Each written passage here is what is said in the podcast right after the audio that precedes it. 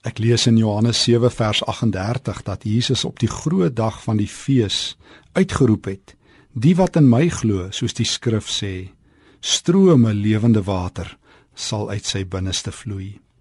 Daar's 'n groot verskil tussen 'n opgaardam en 'n stroom. 'n Opgaardam moet soveel as moontlik water hou. Dis hoekom ons dit 'n opgaardam noem. 'n Stroom moet so vinnig as moontlik vloei en die water weggee. Erns het ons as Christene die verskil tussen 'n opgaardam en 'n stroom lewende water met mekaar verwar. Ons is nie bedoel om opgaardamme van die Here se water te wees nie.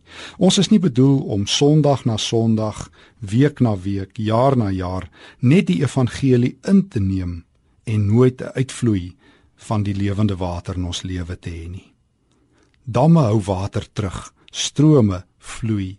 Jesus is op rekord dat jy en ek strome, riviere van lewende water moet wees. Ons moet weggee. Ons is gebou om so vinnig soos wat ons lewende water ontvang, dit weg te gee. So nie gaan lewende water opdam en gaan dit die krag verloor van die Here. Jy moet tog bietjie kyk as jy weer by 'n dam verbyry. Mens kan gewoonlik aan 'n dam agterkom dat die water al lank staan. Nou en dan ruik dit self sterk en dit is groen. En dit gebeur met baie gelowiges wat nie Christus se lewende water deel, wat nie praat oor Jesus, wat nie goed doen in sy naam nie. Hulle is groen en hulle ruik 'n bietjie. Jy mag niks wat jy gratis by die Here gekry het vir jouself hou nie. Dit is diefstal. Elke slag as jy jou eie dors by die hemelse fonteine geles het, is daar meer as genoeg om verder weg te gee. Die Here gee altyd te veel. Hy gee altyd in oorvloed. Hy oorstroom jou altyd.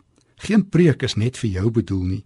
Geen Bybelstudie het net jou naam en adres nie. Geen teks wat jy lees in die Bybel is ooit spesiaal net vir jou bedoel nie. Daar is altyd iets wat jy moet deel. Geen stukkie brood op jou tafel is net vir jou bedoel nie. Jy het altyd 'n bietjie ekstra kos wat jy kan deel. Jy het altyd 'n hand op 'n skouer wat jy op iemand anders se nood se skouer kan sit om vir hulle te bid.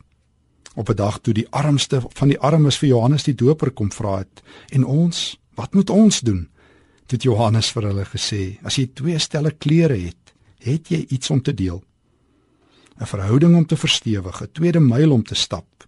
Meeste goed doen dinge in Christus se naam kos jou in elk geval niks. Onthou dus, jy is 'n fontein wat vloei. En elke keer as jy aan die Here se voete sit, sal hy vir jou oorstroom met sy hemelse guns trek net die sluise oop.